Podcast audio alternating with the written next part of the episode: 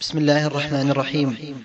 المحاضرة الثانية وهي لصاحب الفضيلة الشيخ عبد الله بن إبراهيم القرعوي إمام وخطيب الجامع الكبير لبريدة والتي ألقيت يوم الأحد التاسع من محرم وكانت بعنوان منهج أئمة الدعوة في بيان العبادة وأنواعها. بسم الله الرحمن الرحيم. الحمد لله رب العالمين. وصلى الله وسلم على نبينا محمد وعلى آله وصحبه أجمعين. وبعد نحمد الله عز وجل على ما من به علينا من نعمة الإسلام. فإنها نعمة عظيمة. قال عز وجل ومن يبتغي غير الإسلام دينا فلن يقبل منه وهو في الآخرة من الخاسرين. وقال عز وجل قل بفضل الله وبرحمته فبذلك فليفرحوا هو خير مما يجمعون. ففضل الله الإسلام ورحمته أن هدانا للإسلام. فالفرح فالفرح الذي يثاب عليه هو الفرح بالإسلام وبالعمل بالإسلام. وأما غيره فلا يشرع الفرح فيه بل هو مذموم كما جاء في آيات فلما فرحوا بما أوتوا أخذناهم بغتة فإذا هم مبلسون. وغير ذلك من الآيات التي تدل على ذم الفرح بغير الإسلام والعمل الصالح. ونحمد الله لا نحصي ثناء عليه. كما نسأله سبحانه أن يثبتنا على دين الإسلام وأن يميتنا على الإيمان إنه ولي ذلك والقادر عليه.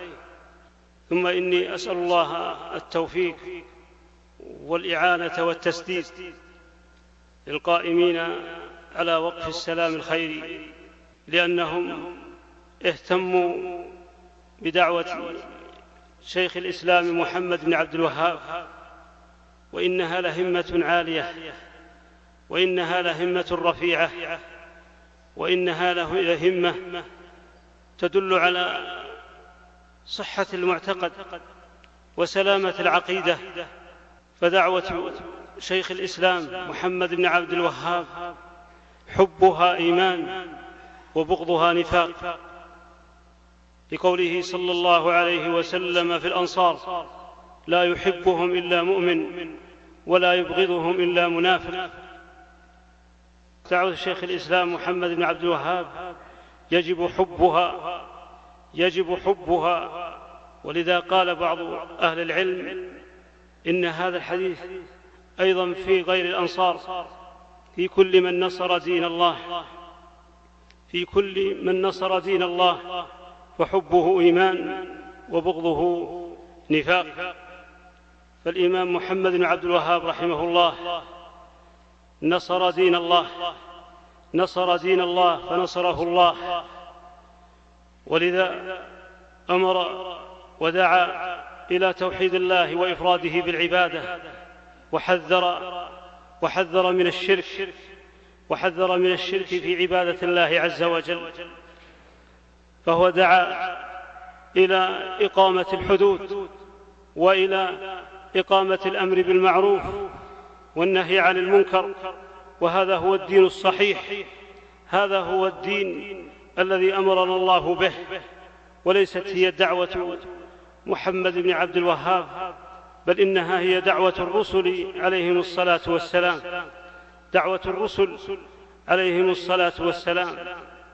كما قال الله عز وجل وما أرسلنا من قبلك من رسول إلا نوحي إليه أنه لا إله إلا أنا فاعبدون. كما قال عز وجل وما أرسلنا من قبلك من رسول إلا نوحي إليه أنه لا إله إلا أنا فاعبدون. وقال عز وجل ولقد بعثنا في كل أمة رسولا أن اعبدوا الله واجتنبوا الطاغوت. فهذه هي, فهذه هي دعوة الرسل من أولهم إلى آخره.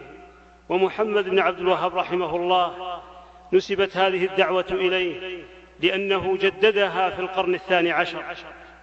فجدد من درس من الدعوة لأنه استحكمت غربة الإسلام في القرن الثاني عشر وعبدت, وعبدت الأصنام والأوثان وعبدت القباب والقبور وعبدت الأضرحة وعبدت الأشجار والأحجار وصرفوا لها النذور وذبحوا لها من دون الله وسألوا وسألوها تفريج الكربات وإزالة الشدائد حتى آل بهم إلى أن المرأة إذا أرادت زوجا أو تأخر زواجها أتت إلى فحل من فحول النخل وقالت يا فحل الفحول أسألك زوجا قبل الحول. وهم مع هذا في في ارتباك, في ارتباك في في دينهم وفي ارتكاب وفي ارتباك في أمنهم. لأنهم لأنهم يخافون من السحرة والكهان والعرافين والمنجمين فهم في اضطراب في دينهم واضطراب في واضطراب في أمنهم واضطراب في قلوبهم لخوفهم من الشياطين. فرحم الله هذه الأمة ورحم الله أهل الجزيرة العربي الجزيرة العربية خاصة فقيض الله هذا الإمام للدعوة إلى التوحيد والتحذير من الشرك فجزاه الله عنا وعن الإسلام والمسلمين خيرا. وإنها لدعوة لدعوة مباركة دعوة الأنبياء والمرسلين. يدعو إلى توحيد الله وإلى إفراده بالعبادة. يدعو إلى إقامة حدود الله في أرض الله على رجم الزاني إذا كان محصنا وجلده إذا لم يكن وعلى جلد القاذف وعلى أيضا قطع السارق وعلى جلد شارب الخمر ونحو ذلك مما أقيمت فيه الحدود ورحم الله به ورحم الله به هذه الأمة بعد من درس بعد من درس شيء من التوحيد وشب وكثر الشرك في عبادة الله عز وجل. لماذا لا تحب لماذا لا يحبها المؤمن؟ لماذا إلا لما في قلبه من الدغل أو لما في قلبه من النفاق أو لما في قلبه من شعبة من شعب النفاق.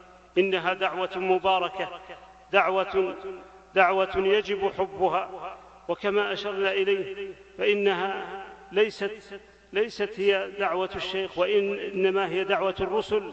ولكن الشيخ رحمه الله جدد من درس منها في القرن الثاني عشر من الهجرة. وكذلك أئمة الدعوة من بعد ساروا على نهجه وعلى طريقته في توحيد الله والتحذير من الشرك. وهذه مصنفاتهم وهذه كتبهم وهذه كتبهم. ولله الحمد والمنة عذب زلال عاقدة صافية وشرح وشرح للأحاديث وشرح للأحاديث ليس فيه شيء ولله الحمد والمنة يعاب في عقائدهم. ولقد سبق من العلماء من شرح آه، وكذلك وتوسع في الشرح ومع ذلك يوجد عليه مآخذ إما في توحيد الأسماء والصفات أو في الإيمان بالقضاء والقدر أو في توحيد الألوهية أو في دون فيما دون ذلك من البدع التوسل وغير ذلك. وأما أئمة الدعوة فهذه كتبهم.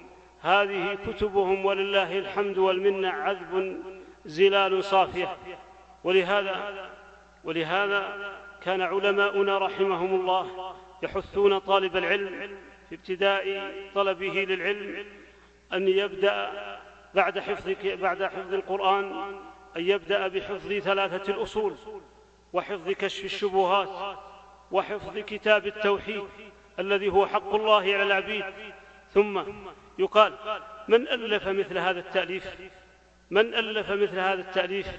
بل اعترف الخاص والعام أنه ما سبق شيخ الإسلام محمد بن عبد الوهاب إلى مثل هذا التصنيف السابق ولا لحقه لاحق في مثل هذا التصنيف. في مثل كتاب التوحيد هل ألف أحد مثل تأليفه وترتيب أبوابه وإيراد الأدلة ومن الكتاب والسنة وجعل المسائل على ذلك؟ ثم ثلاثة الأصول الذي لو شرحه لو شرحه متبحر في العلم وعنده اطلاع وسعة وأراد أن يتوسع لكان مجلدات في الشرح فهو لا يستغني عنه الطالب المبتدي ولا الراغب المنتهي فهي في, دعو في أصل دعوتها وفي تصنيفهم وفي مصنفاتهم وفي تقريرهم ودروسهم وفي منهجهم وأخلاقهم وطريقتهم. رحمهم الله وأسكنهم الله الفردوس الأعلى وجزاهم عنا وعن الإسلام والمسلمين خير الجزاء. ولذلك حاربت كثير البدع كثيرا من البدع وحذرت من البدع ولقد تناقش بعض أهل العلم في مسألة هل هي بدعة أم لا؟ فقال فقال بعض العلماء إنها ليست ببدعة. قالوا لما؟ قال لأنها مرت عليها دعوة شيخ الإسلام محمد بن عبد الوهاب فلم تنكر فلم تنكر. وكل فلما مرت عليها دعوة الشيخ ولم ينكرها الشيخ ولا أئمة الدعوة فإنها دليل على أنها ليست ببدعة لأنهم ما تركوا شاذة ولا فاذة في تقرير التوحيد والدعوة إليه والتحذير من الشرك ووسائل الشرك والبدع إلا وبينوه. وهذه شهادة من عالم بالحديث رحمه الله وأسكنه الله الفردوس الأعلى. نعم كل شيء يعني من أمور عباداتنا ولا نقول إنها فيهم العصمة لكن إنهم تحروا الصواب تحروا الصواب واجتهدوا فيه ويرجعون إلى الحق يرجعون إلى الدليل ويعملون به لأن الدعوة هذه بنيت أو يستمد أو أصولها من كتاب الله وسنة رسوله صلى الله عليه وسلم وإجماع سلف الأمة. فعلى هذا يجب أن نحبها في قلوبنا لأن إذا أحببناها أحببنا التوحيد. وإذا وإذا أحببنا التوحيد فقد أحببنا الصحابة وأحببنا الرسول عليه الصلاة والسلام وأحببنا ربنا عز وجل لأنه لأنه حبنا لدعوة الشيخ من حبنا لربنا وحبنا للصحابة من حبنا لربنا وحبنا للرسول وحبنا للرسول عليه الصلاة والسلام من حبنا لربنا لأنه لأنك أحببت الرسول عليه الصلاة والسلام لأنه لأنه دعاك إلى الله وعرفك بالله وكان سببا في في في في, في خلوصك من الشرك. واجتنابك واجتنابك للشرك فحب الرسول صلى الله عليه وسلم إيمان لأنه لا يحبه لا يحبه إلا مؤمن ولا يبغضه إلا منافق. نسأل الله السلامة والعافية. كما جاء في الحديث والذي نفسي بيده لا, لا حتى أكون أحب إليك من ولدك ووالدك والناس أجمعين حتى أكون أحب إليك من ولدك ووالدك والناس أجمعين. فيجب حب الرسول عليه الصلاة والسلام وهو مقتضى شهادة أن محمد رسول الله. وإذا أحببنا الرسول أحببنا من اتبعه. وإذا أحببنا من اتبعه أحببنا من دعا إلى ما دعا إليه واجتهد في الدعوة وحرص على ذلك. فكل هذا من حبنا لربنا جل جلاله وتقدست أسماؤه. لا نحصي ثناء على الله عز وجل. نشهد أن لا إله إلا الله وأن محمدا عبده ورسوله. فشهادة أن لا إله إلا الله وشهادة أن محمدا رسول الله. تشهد أن محمدا عبد الله ورسوله. ففيها عبد ورسول دفع للإفراط والتفريط ولل ولل وللغلو وللجفاء. فتشهد أنه عبد فيها دفع للإفراط. وفيها دفع للغلو وتشهد أنه رسول فيها دفع للجفاء وكذلك التفريط في محبته عليه الصلاة والسلام فمحبة الرسول عليه الصلاة والسلام دين وبغضه نفاق وكفر نسأل الله السلامة والعافية. فعلى هذا تعلم أننا إذا أحببنا وأمرنا بدعوة حب محب محبة دعوة الشيخ محمد بن عبد الوهاب فإنه من حبنا لرسول الله صلى الله عليه وسلم. لا للذوات ولكن لما قامت به الذوات لما قامت به الذوات من من من محبة الله والدعوة إلى الله. ثم إن الكلمة أنه آه، بيان منهج أئمة الدعوة في بيان منهج أئمة الدعوة في العبادة.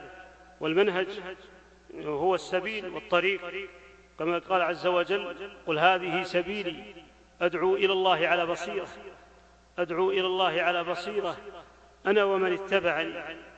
فهذه فأدعو إلى الله إما إلى الله إلى توحيد الله أو إلى الله لا إلى حظ نفس أدعو يعني مخلصا بذلك لله.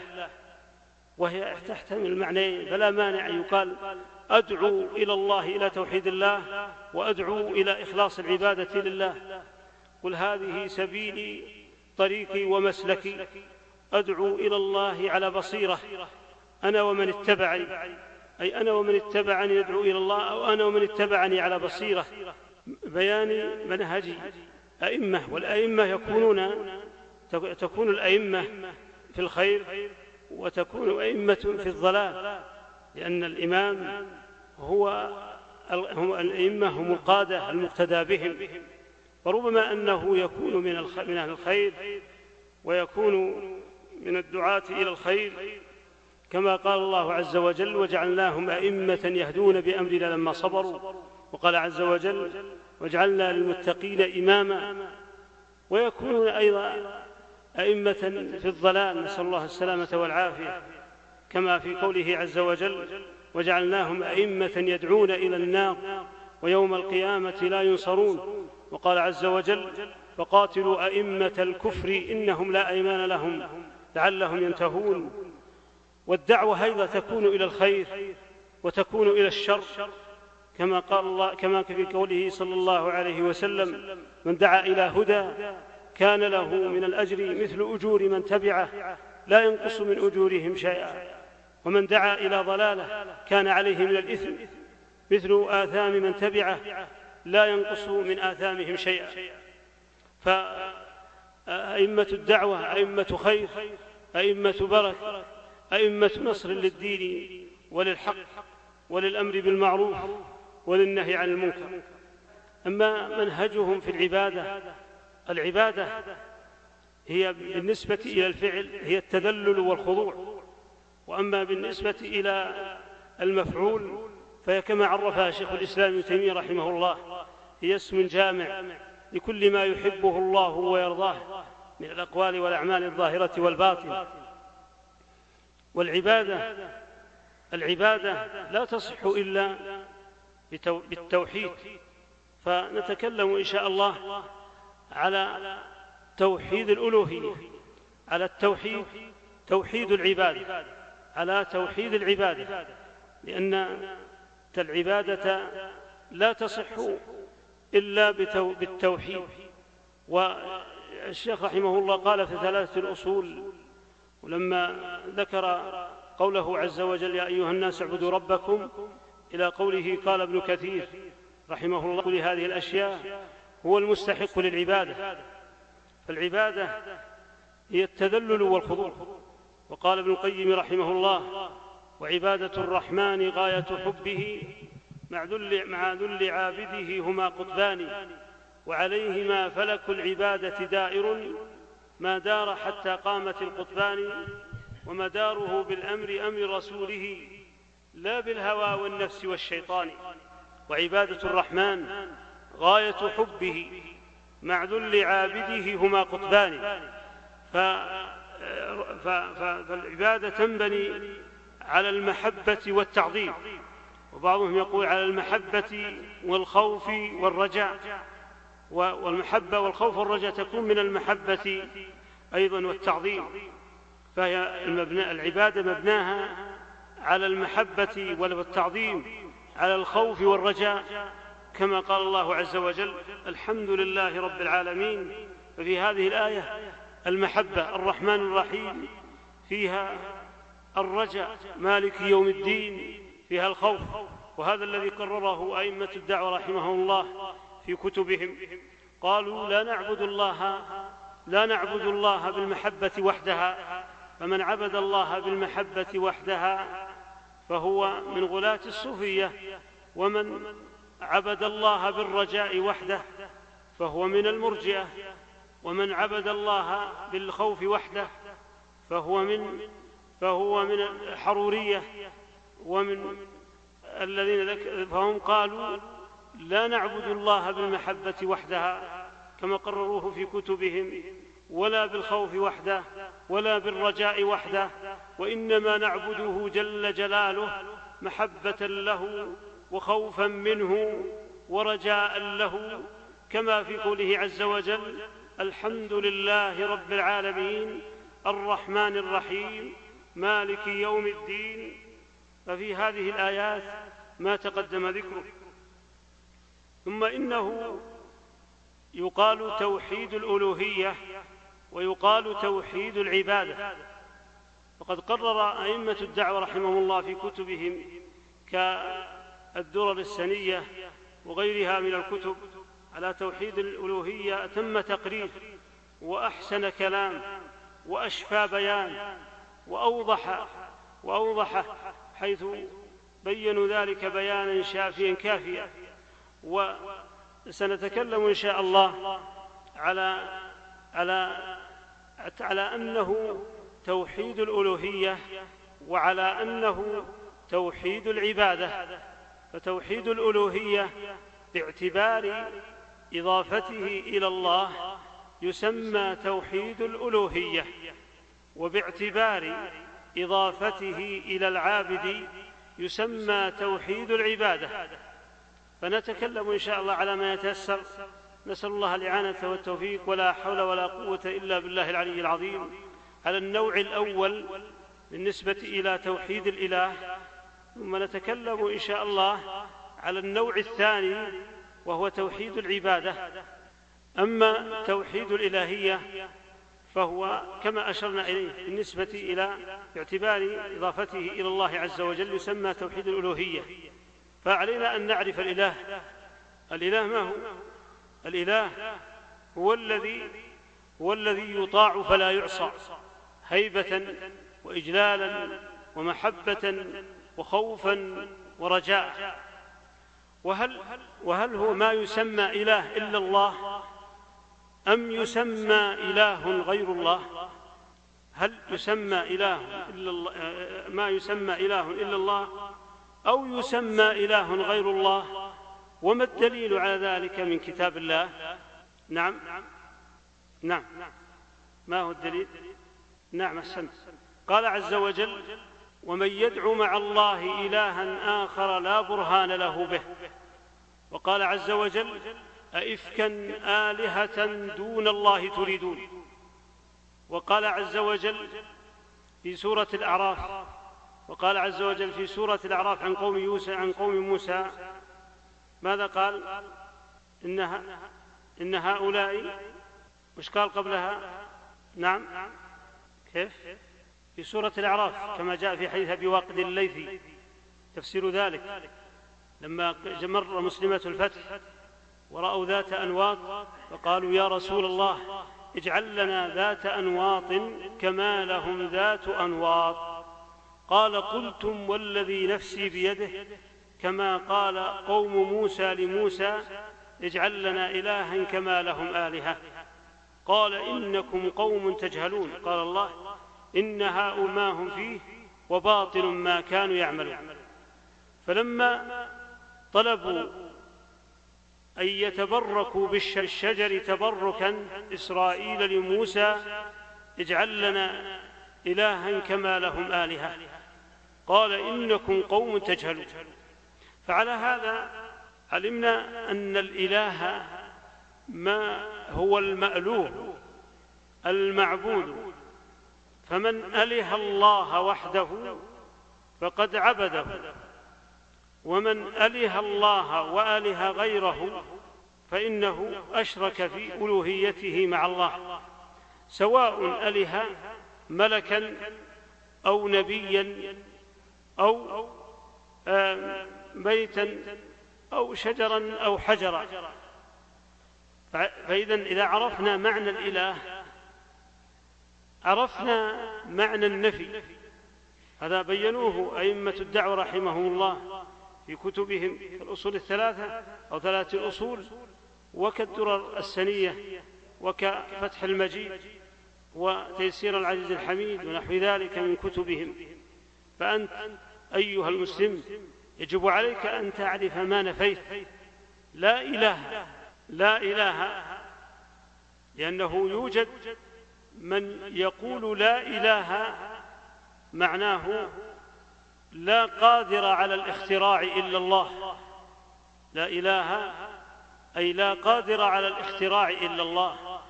وهذا رد عليه أئمة الدعوة في الدرر وهو قول الأشاعرة ونحوهم قالوا لا قادر إلا, إلا الله. معناه إذا قالوا لا قادر الله معناه أنهم يقرون بتوحيد الربوبية وتوحيد الألوهية يشركون فيه. فيدخل في هذا من يدعو غير الله ومن يذبح لغير الله. يكون ليس بمشرك إذا قلنا لا قادر إلا الله. وهذا قد أقر به المشركون. قال الله عز وجل ولئن سألتهم من خلق السماوات والأرض ليقولن الله قال عز وجل قل لمن الأرض ومن فيها إن كنتم تعلمون سيقولون لله قل أفلا تذكرون قل من رب السماوات السبع ورب العرش العظيم سيقولون لله قل أفلا تتقون قل من بيده ملكوت كل شيء وهو يجير ولا يجار عليه إن كنتم تعلمون سيقولون لله قل فأنا تسحرون فهم مقرون بأنه لا قادر إلا الله ولذلك لما قال لهم النبي صلى الله عليه وسلم قولوا لا إله إلا الله تفلحوا. قال الله عنهم أنهم قالوا في سورة صاد أجعل الآلهة إلها واحدا إن هذا لشيء عجاب. ما سمعنا بهذا في الملة الآخرة إن هذا إلا اختلاع فليس معناه لا قادر على الاختراع إلا الله لكن معناه لا مألوه ولا معبود. فيها أيضا طائفة من المتكلمين رد عليهم أئمة الدعوة أيضا في مصنفات وبينوا منهم من يقول المنفي كل لا موجود له في الخارج ما هو إلا المثبت وهو الله. وأيضا بينوا هذا قالوا إن هذا ضلال وهذا غلط. أيضا قال بعضهم إنه لا إله لا موجود إلا الله. هذا حق. إذا قلنا لا إله لا موجود إلا الله حق نعم الباقي عليه ما هو؟ لكن وش الباقي وش باقي كلمة يضيف إليها لا موجود؟ لو قال حق لا إله لا موجود لا إله موجود حق إلا الله. فإذا قال حق سواء قال موجود ولا ما قال لأنه يوجد آلهة تعبد من دون الله. فهؤلاء قالوا كل ما في الوجود هو الله كغلاة المتصوفة وكالاتحادية وأهل الوحدة ونحوهم. قالوا كل ما في الوجود هو الله إن عبدت شجرا فهو الله وإن عبدت شخصا فهو الله وإن عبدت آه، مخلوقا فهو الله. كل الوجود هو الله فلا إله إلا الله. كل الوجود هو الله. وهذا أيضا بين أئمة الدعوة رحمه الله خطأ هؤلاء. وقالوا لا بد أن نقول لا إله موجود بحق لأنه هذا هذا يبين معنى ما قلنا أولا أنه لا بد أن تعرف أن هناك آلهة. لا بد أن تعرف أن هناك آلهة من دون الله لكنها آلهة باطلة. فالإله اسم جنس يطلق على المعبود بحق أو المعبود بباطل ولكنه غلب على المعبود بحق فهو لا يطلق إلا على الله وإلا هو يشمل ويطلق على المعبود. فهؤلاء عبدوا غير الله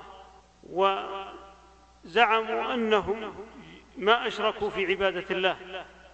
لأسباب عدم معرفتهم للإله الذي نفوا. فعلى هذا نعرف أن لا إله لا معبود بحق إلا الله. إذا إنسان يقول أنا لما أقول لا إله لا إله قبل أن أقول إلا الله أنفي جميع الآلهة؟ وهل هذا مسلم له؟ هل هذا يكون حق أم باطل؟ يعني إنسان يقول عندنا حينما أقول أشهد أن لا إله إلا الله يقول لما أقول أشهد أن لا إله فإني أنفي جميع الآلهة. هل هذا حق؟ نعم. ينفي جميع الآلهة؟ لا إذا قال لا إله قبل أن يقول إلا الله. شفت؟ أئمة الدعوة بينوا غلط هذا. وقالوا إذا قلت لا إله فأنت ما تنفي الإله الحق. ما تنفي جميع الآلهة تنفي إيش؟ الباطلة. إذا ما تنفي الإله الحق. حاشا إبراهيم لما قال وإذ قال إبراهيم لأبيه وقومه إنني براء مما تعبدون. هل تبرأ من من عبادته لله؟ لا بل تبرأ من الآلهة الباطلة. فأئمة الدعوة رحمهم الله بينوا أنك إذا نفيت فأنت تنفي. الآلهة الباطلة قبل أن تقول إيش؟ ها؟ قبل أن تقول إلا الله. فأنت من أصلك ما نفيت ألوهية الله. لأن هذا ربوبية الله عز وجل قد فطر عليها الخلق. والمشركون يعرفون الله ولا أنكره إلا نزر قليل من بني آدم. إنما المشركون أقروا بربوبية الله. يلبون في تلبيتهم لبيك لا شريك لك إلا شريكا هو لك تملكه وما ملك. هذه تلبية المشركين الذي نزل القرآن بشركهم وكفرهم واستبيحت دماؤهم وأموالهم وإذا ماتوا على ذلك نسأل الله السلامة والعافية وهم من الخالدين في النار لأسباب وهم يعترفون بربوبية الله وبألوهية الله لكنهم ما أفردوه بالألوهية. لبيك لبيك اللهم لبيك لبيك لا شريك لك إلا شريكا هو لك. تملكه وما ملك. أي أيضا هذا الشريك تحت قهرك. ولكنهم أيضا أشركوا في هذه التلبية. فإذا ننتبه أن إذا قلنا وهذا من فضل الله ثم فضل أئمة الدعوة علينا في مصنفاتهم وكتبهم حيث قرروا هذه العقيدة الصافية السليمة في مصنفاتهم المنصف إذا قرأ كتب إذا قرأ كتبهم ومصنفاتهم انشرح صدره وإطمأن ورق قلبه وفرح واستبشر لأنها نور لأنها مستمدة من كتاب الله وسنة رسوله. فلا إله ننفي إيش؟ يعني ننفي الآلهة الباطلة حتى ننفي الآلهة الباطلة. أما الإله الحق فما نفيناه. فإذا أئمة الدعوة ومن أراد في أيضا في الدرر بينوا خطأ الذي يقول لا قادر على الاختراع إلا الله. هذا ردوه لأن هذا إقرار بتوحيد الربوبية. والذي قال إن المنفي كلي لا وجود له في الخارج إلا الله وهو أنه يعني هذا الوجود. والذين قالوا إنه لا إله أي أهل الاتحاد وأهل الوحدة وأهل الحلول الذي كل ما تعبد هو الله والذين قالوا من غير قصد بعض الناس يقول أن أنفي جميع الآلهة. قالوا لا. وهذا أيضا انتبه انتبه انتبه لكلام ابن القيم رحمه الله الذي نقله عبد الرحمن بن حسن في فتح المجيد لما قال إن المستثنى إيش؟ من يتذكر هذه الكلمة؟ لما تكلم على لا إله إلا الله قال إن المستثنى ها؟ نعم. وقال أيضا إنه مخرج من المستثنى منه ومن حكمه. هذه بالكلمة هذه. ربما البعض يقراها ولا يدري إيش معنى يتأمل. أنا أريد أتأملها الآن. إذا رجع يفتح كتاب فتح المجيد ويقرأها من كلام ابن القيم. المستثنى ما هو؟ من لا إله إلا الله. الله إلا الله. يقول رحمه الله مخرج من المستثنى منه. وش المستثنى؟ لا إله. نعم. من الولاية الباطل. ومن حكمه. أيضا لا ما يعني مستخرج مخرج من المستثنى منه ومن حكمه. يعني أنك لما قلت لا إله فأنت ما نويت نفي الألوهية عن الله. بل إنك تثبت ألوهية الله لكنك تنفي الألوهية الباطل هذا توحيد الألوهية توحيد الإله وهو كلام فيه بسط وتفصيل لأئمة الدعوة رحمهم الله في هذا. فعلينا أن نعرف الإله وما أيضا أوقع من أوقع في الشرك وعبادة غير الله إلا بأسباب عدم معرفتهم. لمعنى الإله. بمعنى إله. يعني لو كما أشار إليه الشيخ رحمه الله في في في كشف الشبهات يعني لو قلت لأحدهم الآن الذي يعبد الحسين أو الذي يعبد البدوي لو تقول لا سيد إلا الله ربما أنه يتوقف. لكن لو تقول له كل لا إله إلا قال لا إله إلا لكن لو تقول بعبارات لأن المشركون الأولون يعرفون الإله معناه. لما قال لهم قولوا لا إله إلا الله قالوا أجعل الآلهة إلها واحدا أما مشرك زماننا كما قال الشيخ وهم أغلظ شركا من الأولين. يقول يا عبد القادر يا أحمد البدوي يا حسين يا زينب يناديهم من دون الله تقول كل لا إله إلا الله يقول عشر مرات لا إله إلا الله. لأنه ما عرف معنى الإله. لو قلت له قل لا سيد إلا الله ربما أنه ينتبه لأنه وإن غيروا العبارات قالوا إنه سيد وقالوا إنه ولي. نكتفي بهذا بهذا النوع يعني توحيد الألوهية. نبدأ بالشق الثاني وهو توحيد العبادة. وهو توحيد واحد لكن هذا باعتبار إضافته إلى الله يسمى توحيد الألوهية. عرفنا معنى الإله. إذن نعرف معنى العبادة. توحيد العبادة. العبادة هي التذلل والخضوع والاستسلام كما أشرنا إليه قول ابن القيم رحمه الله وعبادة الرحمن غاية حبه مع ذل عابده هما قطبان وعليهما فلك العبادة دائر ما دار حتى قامت القطبان. فالمنافق يعبد الله لكنه لا يحب الله. يريد شيئا من الدنيا فقط. ولكن الشأن كل الشأن في عبادته في الخضوع له والذل له ظاهرا وباطنا ومحبته ظاهرا وباطنا. ومن أنواع العبادة وأجل أنواع العبادة بل هو العبادة كما في الحديث هو الدعاء. دعاء الله كما جاء في الحديث الدعاء هو العبادة. وسنتكلم إن شاء الله على أن الدعاء عبادة وقربة لله عز وجل. ونوع ومنه ما هو دعاء الله ما هو منه سنة ومنه ما هو بدعة وهو دعاء الله. منه ما هو سنة ومنه ما هو بدعة. النوع الثاني شرك بعبادة الله. النوع الثالث دعاء مباح دعاء الحي الحاضر القادر ودعاء الميت. لكنه مباح وقد أسكت عن هذا حتى أصل إليه لأبينه لأنه قد يقول لماذا يكون دعاء ميت وهو آه، مباح. فالأول ونبين هذا إن شاء الله. الأول دعاء الله عبادة.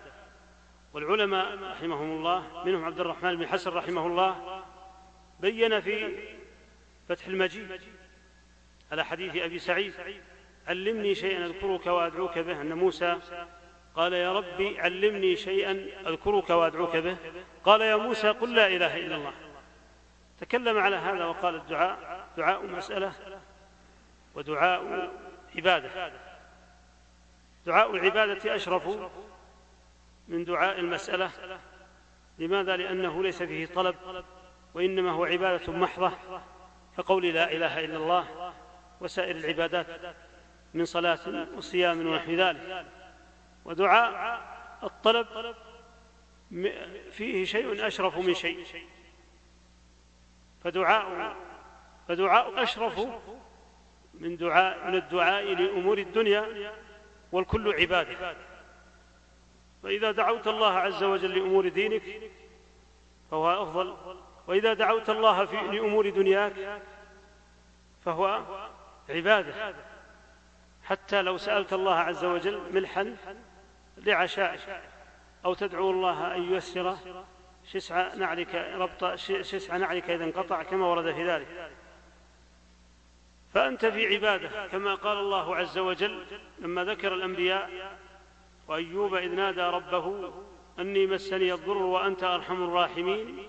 فاستجبنا له فكشفنا ما به من ضر وآتيناه أهله ومثلهم معهم رحمة من عندنا وذكرى للعابدين. إلى قوله عز وجل إنهم كانوا يسارعون في الخيرات ويدعوننا رغبا ورهبا وكانوا لنا خاشعين. وكانوا لنا خاشعين. الدعاء في رغبة ورهبة دعاء الطلب هذا عبادة ومن أجل العبادات بل هو العبادة كما جاء في الحديث الدعاء هو العبادة. بقينا في الدعاء الذي ليس بسنة وهو دعاء الله. مثل دعاء الله عند القبور كأن يقف عند القبر ويسأل الله جل وعلا. يقول يا الله اللهم اغفر لي عند القبور قاصدا المقبرة أو القبر لجل الدعاء. ليس أنه دخل لجل تشيع جنازة ودعا الله إنما ذهب إلى عند القبر ودعا لأجل لعله أن يستجاب له. فهذا ليس دعاء الله عبادة لكن الدعاء عند القبور ليس بسنة. ومن ذلك أيضا التوسل بجاه الأنبياء اللهم إني أتوسل إليك بجاه نبيك هذا ليس بشرك لكنه ليس بمشروع كما بين ذلك أئمة الدعوة رحمهم الله وغيره من العلماء. ما يجوز لأن التوسل بالدعاء جائز والتوسل بالذوات باطل. التوسل بالدعاء جائز كما جاء في حديث إنا كنا نتوسل إليك إليك بنبينا فتسقينا وإنا نتوسل إليك بعم نبينا فأسقنا أي بدعائه. فهذا جائز. فالتوسل إذا كان بالذوات فهو مردود. وإذا كان بالدعاء من حي حاضر تدعو تطلب منه أن يدعو لك لأنه من التوسل الذي جاء به بعض الأحاديث. أن تطلب من أحد أن يدعو الله لك. أما التوسل بالذوات فهذا مردود. أما التوسل بالأعمال الصالحة كما جاء في حديث أن ثلاثة من بني إسرائيل دخلوا الغار وانطبقت عليهم صخرة من الغار وتوسلوا إلى الله بصالح أعمالهم فهذا أيضا مشروع. وإن كان بعض الشراح يقول إنه لا ينبغي للإنسان أن يدلي على الله بعمله بل الأفضل أن يعمل عمل ولا يطلب جزاءه من الله في الدنيا. يعني قلنا أيضا نمر والتوسل بالجاه بجاه هذا مردود والتوسل بالذوات والتبرك بالذوات مردود والتوسل بالدعاء من حي جائز بل سنة يعني مشروع. لمن رغب في ذلك فله أن يفعل ذلك من أن يطلب من أحد يدعو الله له. وكذلك التوسل بصالح الأعمال كما يتوسل إلى الله بصالح عمله أنه بر بوالديه أو أنه عف عن المرأة التي أراد أن يزني بها. أيضا أيضا هذا جائز لكنه خلاف الأولى لماذا قالوا إنك يعني تذكر عملك وتدلي به على الله فتركه أفضل والدعاء به جائز. هذه الدعاء. أما الدعاء الذي هو شرك فسؤال غير الله.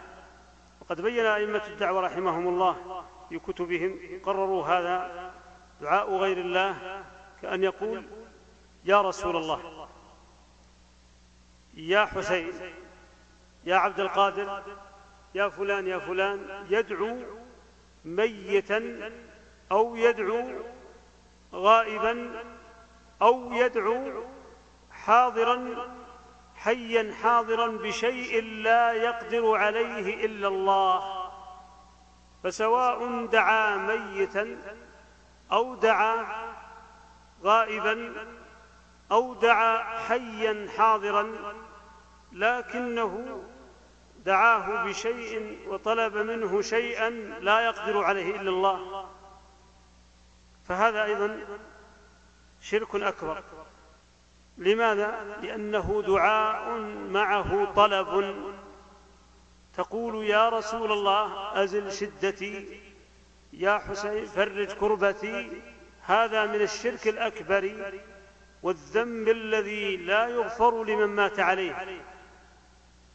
كما قال الله عز وجل ومن يدعو مع الله إلها آخر لا برهان له.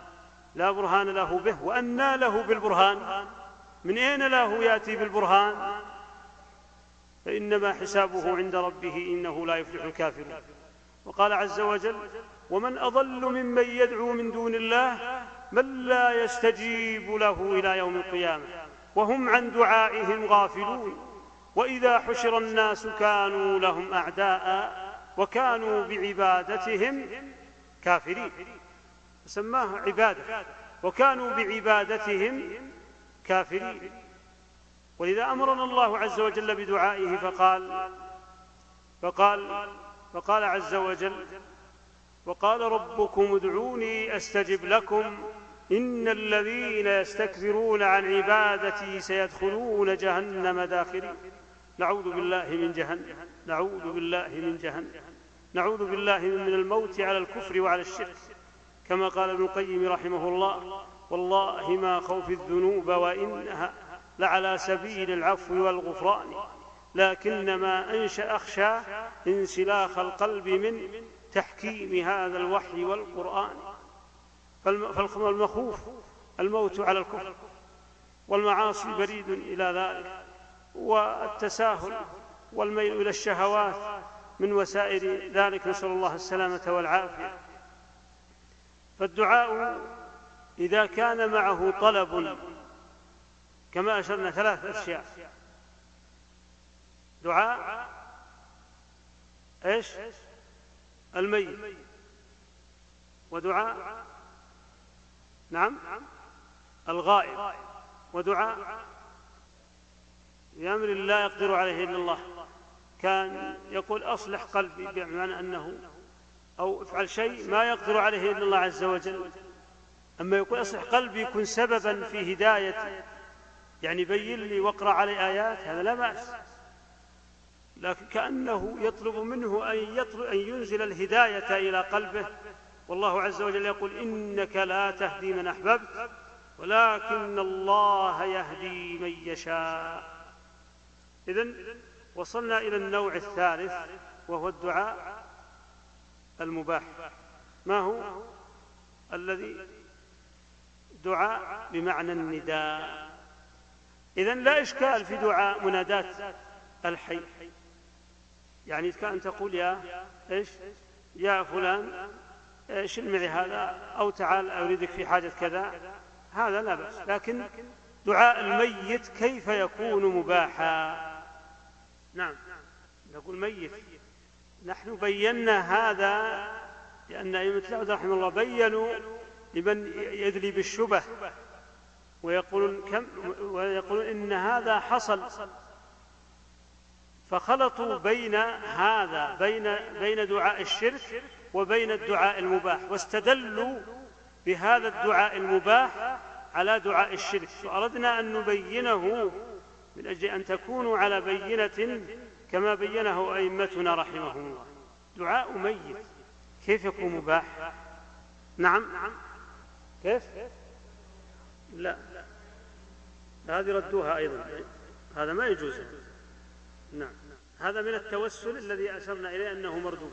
ولو أنهم ظلموا أنفسهم جاءوك فاستغفروا الله استغفر لهم الرسول هذا في حياة الرسول.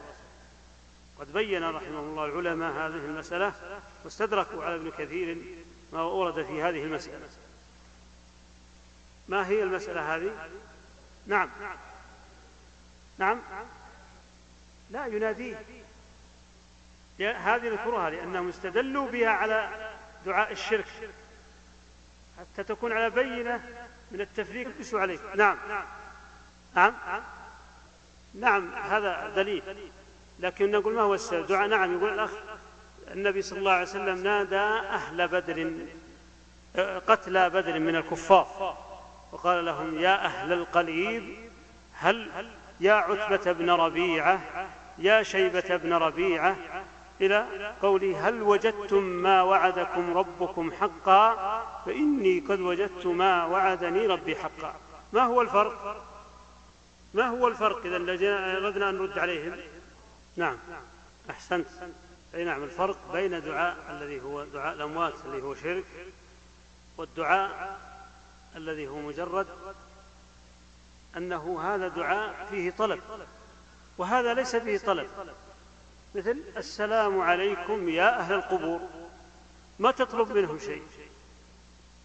فالفرق بين قول النبي صلى الله عليه وسلم يا أهل القليب وقولنا إذا مررنا بالمقبرة دخلناها السلام عليكم يا أهل القبور أن ما نطلب منهم شيء.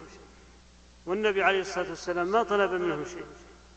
أما النوع أو الثاني الذي هو الشرك فهو يطلب منه يقول يا رسول الله المدد هذا شرك.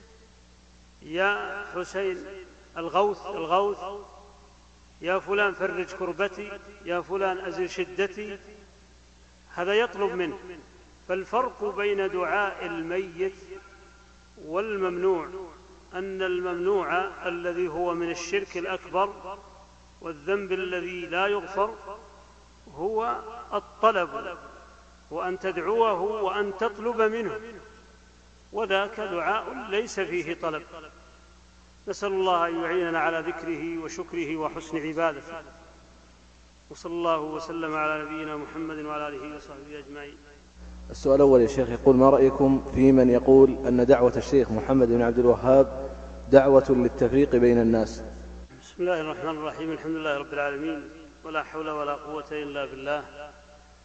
هذا قول واضح أنه غلط وخطأ إن كان جاهل فيكفيه جهله وإن كان يعني يعلم ويتعلم فهو يعرف أنه أن دعوة الرسل حصل فيها تفريق بين الحق والباطل بين أولياء الله وأولياء الشيطان.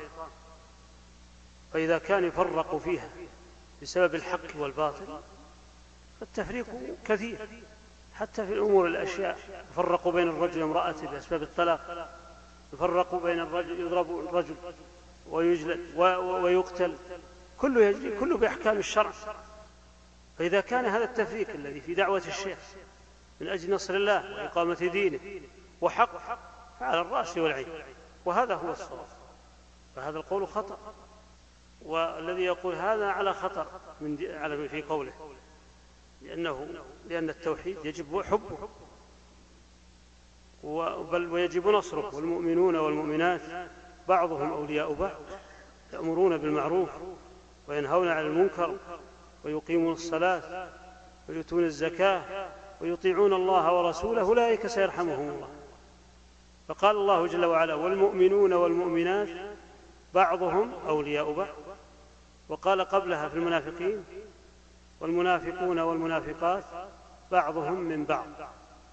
يأمرون بالمنكر وينهون عن المعروف ويقبضون أيديهم نسوا الله فنسيا فدعوة الشيخ معروف ودعوة الشيخ حق ودعوة الشيخ هدى ودعوة الشيخ خير وبركة. فيجب حبها ومن قال هذا فإن كمن كان جاهل فليطلع على مؤلفات أئمة الدعوة ولينظر ما تقر به عينه إن كان مؤمنا. نعم. أحسن الله إليكم صاحب الفضيلة. هذا سائل يقول ما هو رد فضيلتكم على من يقول أن التوحيد يمكن معرفته في عشر دقائق؟ فما عليك إلا معرفة من, رب من ربك ونبيك ورسولك فقط.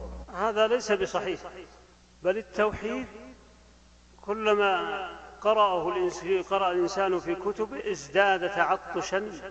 لأنه كلما اطلع الإنسان على كتب التوحيد انشرح صدره للتوحيد.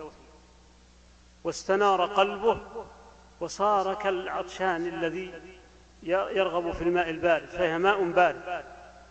والذي يريد ويطلع أنه ناقص في معرفة التوحيد وأنه لا يكفيه الوقت القصير يقرأ في مدارج السالكين في منازل إياك نعبد وإياك نستعين. مدارج السالكين في منازل إياك نعبد وإياك نستعين. يعني في منازل إياك نعبد وإياك نستعين التوحيد. إياك نعبد. فإنه ينظر في نقصه. فالتوبة الآن توبة لو بعض الناس يتوب من ذنوبه ومعاصيه كل قال إنه هذا تائب. والحمد لله. لكن التوحيد ماذا قال؟ ماذا قال التوبة؟ نعم قال في التوبة. وش قال في أيضا في مدارس السالكين هذا إن كانت التوبة إيش؟ إن كانت التوبة الذي تاب لأن فيه مرض يرجو أن يشفى من مرضه أو فقير يرجو أن يعطيه الله. غنى فهذه ليست توبة صحيحة.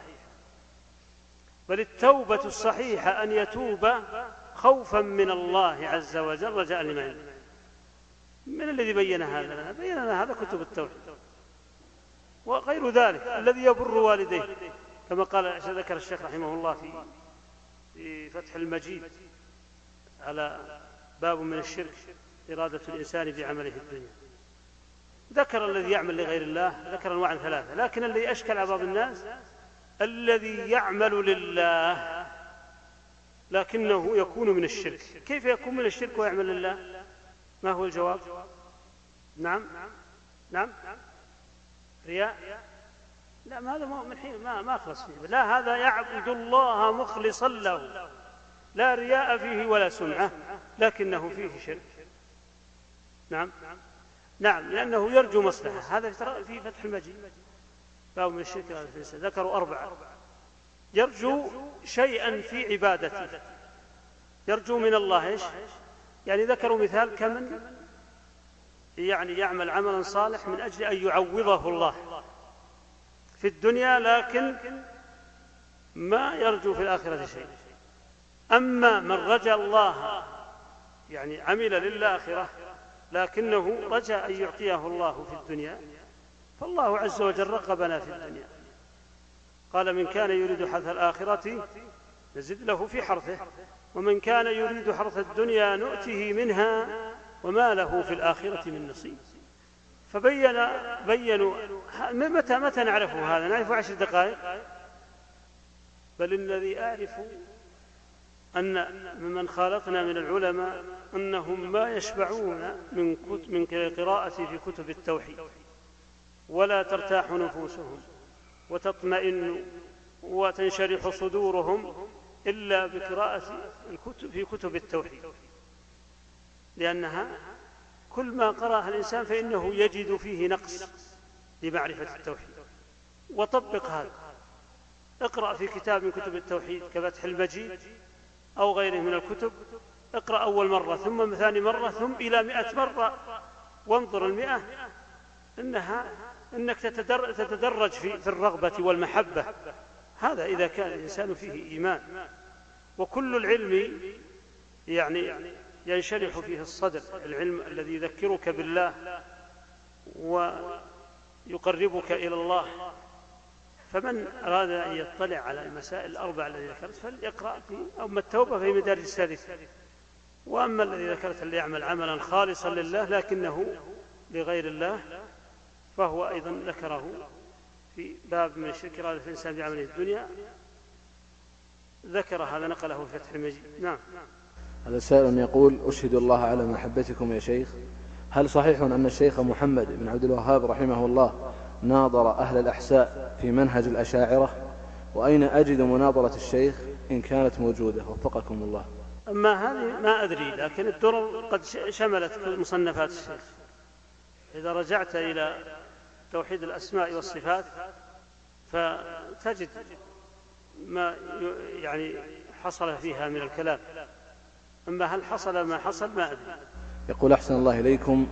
ما رأيكم في من يقول أن مصادر التكفير وأصولها مأخوذة من كتب أئمة الدعوة ومثل لذلك بكتاب الدرر السنية لأئمة الدعوة؟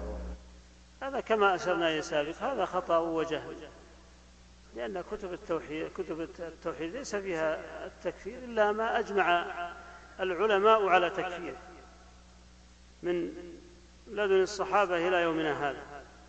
فهي كتب بين فيها العلماء الأدلة ووضحوها والمنصف إذا قرأ فيها يسأل الله قبل يدعو الله ويقول اللهم رب جبرائيل وميكائيل وإسرافيل فاطر السماوات والعالم الغيب والشهادة أنت تحكم بين عبادك فيما كانوا فيه يختلفون. اهدني لما اختلف فيه من الحق بإذنك إنك تهدي من تشاء إلى صراط مستقيم. واسأل ربك أنك تريد الحق. واقرأ في هذه الكتب وكررها. كرر بعض المسائل. تجد. تجد فيها لأنها لأنها مستمدة. ومن كتاب الله وسنة رسوله ومن إجماع سلف الأمة. ليس فيها أهواء وليس فيها آه، تعسف وليس فيها آه، اجتهادات على غير دليل وعلى غير آه، شيء واضح من كتاب الله وسنة رسوله. فهذا خطأ وقائله إن كان قد قرأ الكتب فربما أنه يوم يقرأها في نفسه ما في نفسه لأنه الذي يقرأ الشيء وهو فيه هوى يصرف عن معرفة الحق حتى يتجرد من الهوى. وأدلة ذلك في كتاب الله. كما قال الله عز وجل سأصرف عن آياتي سأصرف عن آياتي الذين يتكبرون في الأرض بغير الحق. يصرف عن الحق بأسباب إيش؟ بأسباب الكبر وعدم قبول الحق. وكما قال عز وجل فإن, فإن لم يستجيبوا لك فاعلم أنما يتبعون أهواءهم ومن أضل ممن اتبع هواه بغير هدى من الله.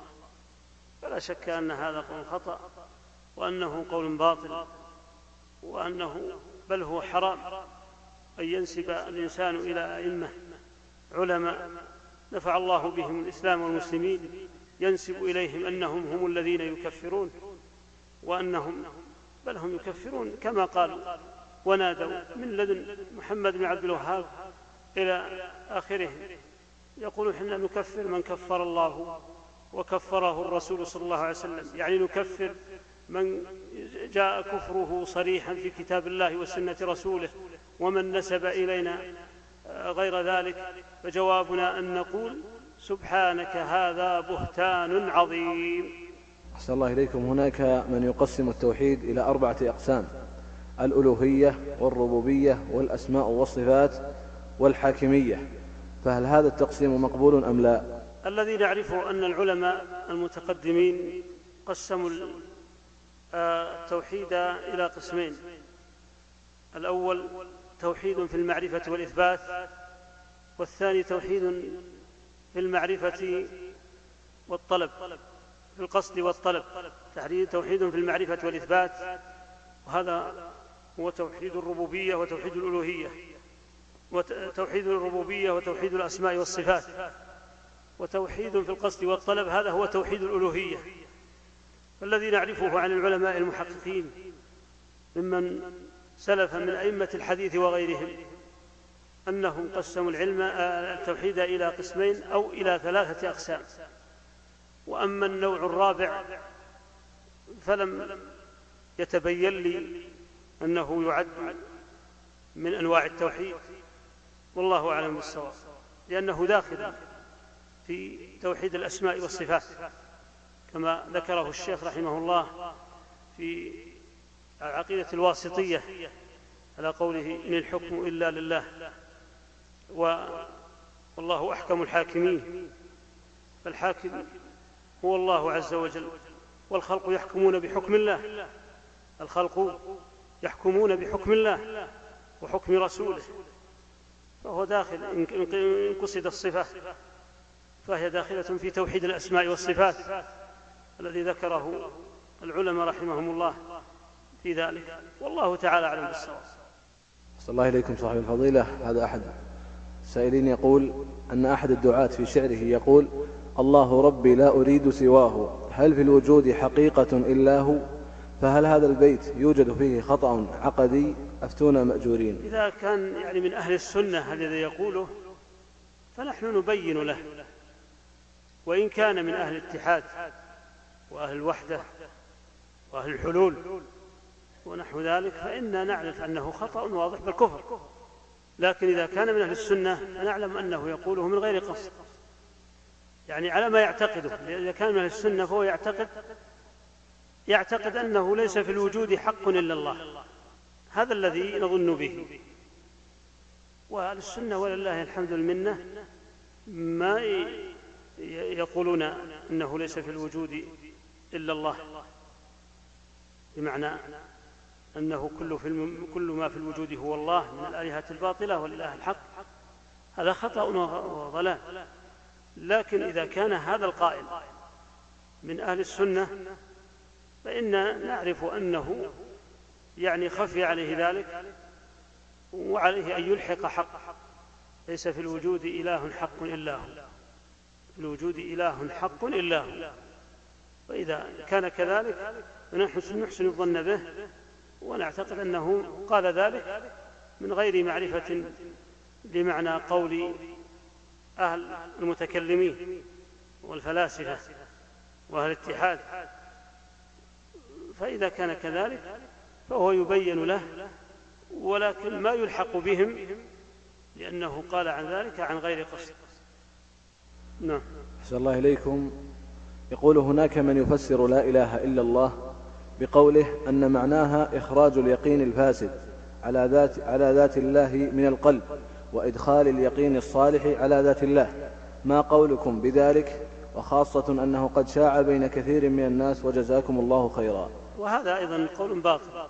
لو قال من معنى من معنى لا إله إلا الله هذا الشيء؟ لقلنا إنه لا بأس. من معنى لا إله إلا الله؟ إخراج.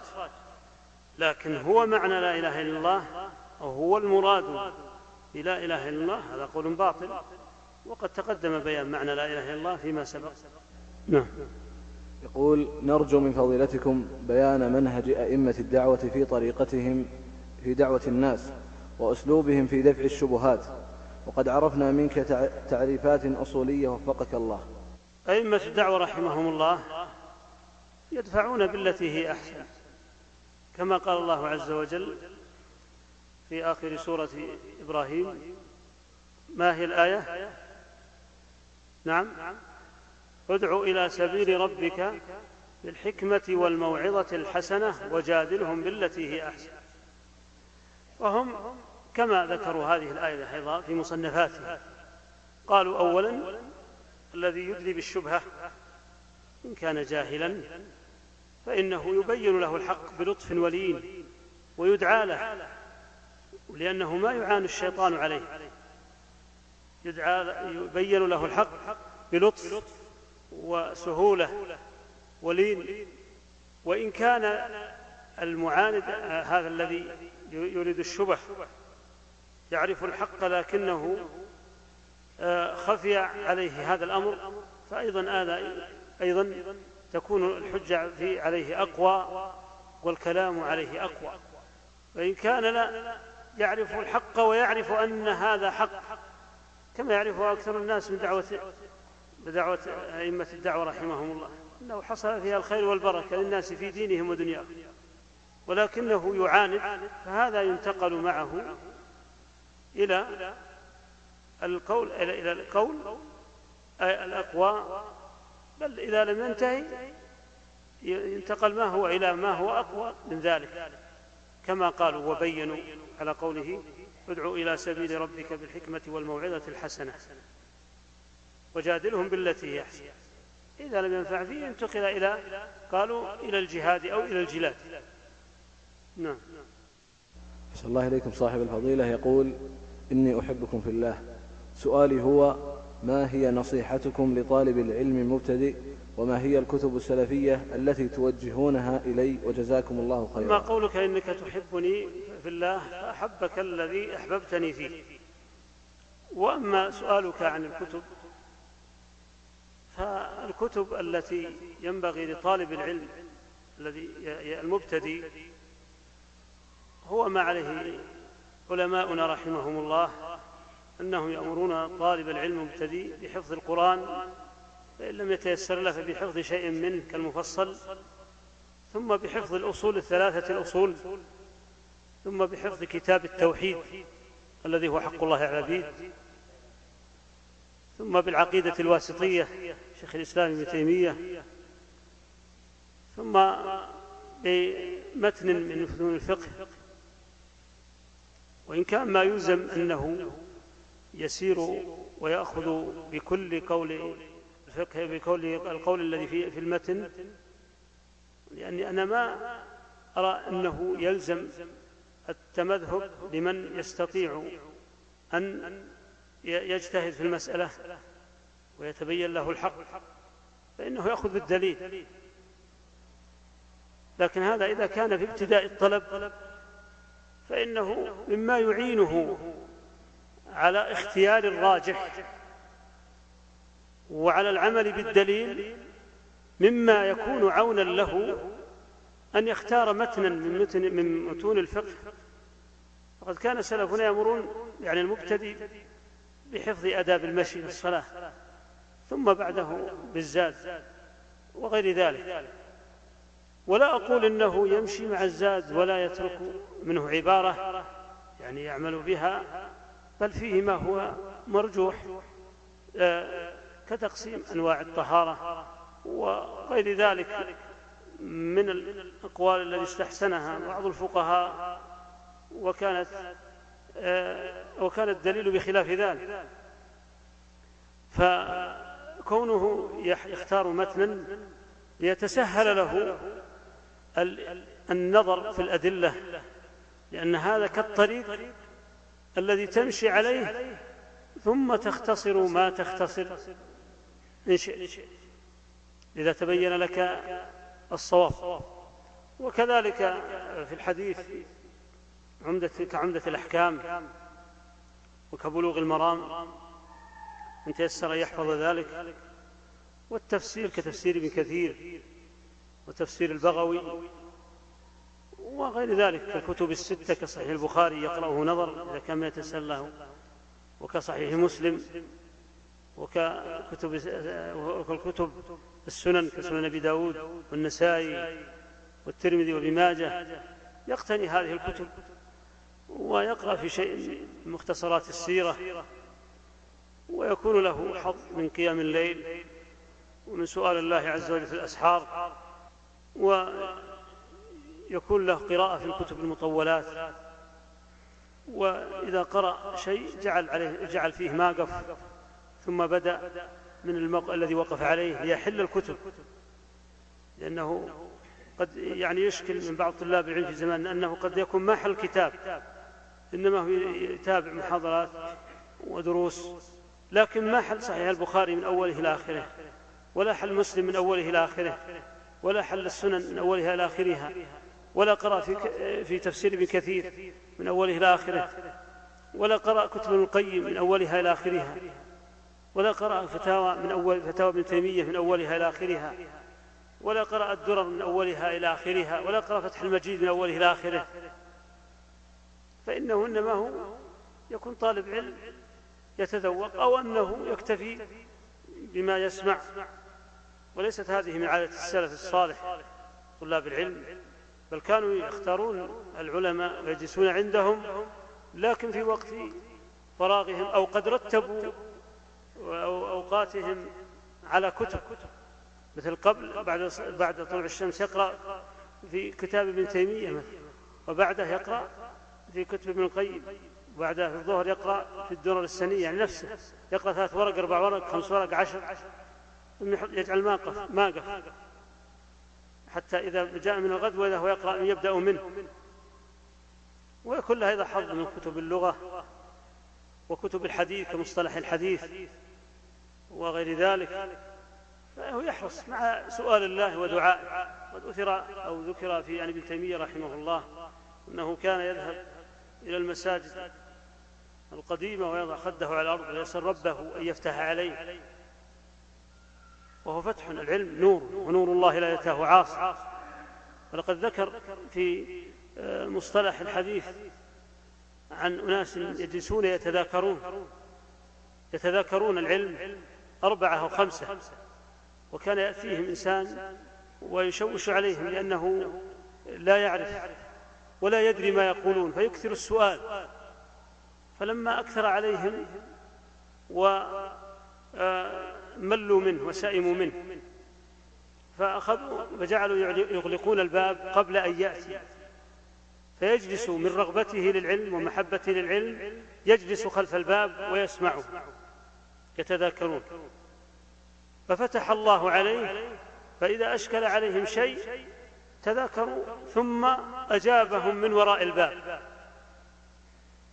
ففتحوا له الباب وكان بعد ذلك هو شيخ فالعلم نور وفتح من الله وهبة من الله يمن به على من يشاء من عباده. فيحتاج مع بذل الأسباب إلى دعاء الله وإلى سؤاله. وإلى حفظ اللسان من الوقيعة والسب سب العلماء ونحو ذلك. ولا بعض بعض طلاب العلم يتجرأ إذا كان إذا رأى في المسألة قولا مرجوحا تجرأ على هذا العالم النحرير الذي بذل وقته في طاعة الله وبذل بذل عمره ومع قلة في الدنيا وإقبال على الله وإقبال على الآخرة. ورغبة بما عند الله ليس كما هو في زمان. قد يكون الإنسان يطلب العلم لشهادة أو غيرها. بل أولئك ما كان عنده. إنما يسهر طول الليل. طول الليل يسهر. ما يرجو أنه يجعل مدرس ولا يجعل كذا ولا يجعل كذا ولا يعين في كذا ولا يرتب له شيء. إنما محبة في العلم ورغبة في العلم. ففتح الله عليه. ذكر أيضا بعض بعض من في مصطلح الحديث آه، من تعظيم الحديث أنه مر خرج أحدهم ومعه كتب, كتب الحديث ونزل عليه مطر في الطريق لأنه يمشي على قدميه.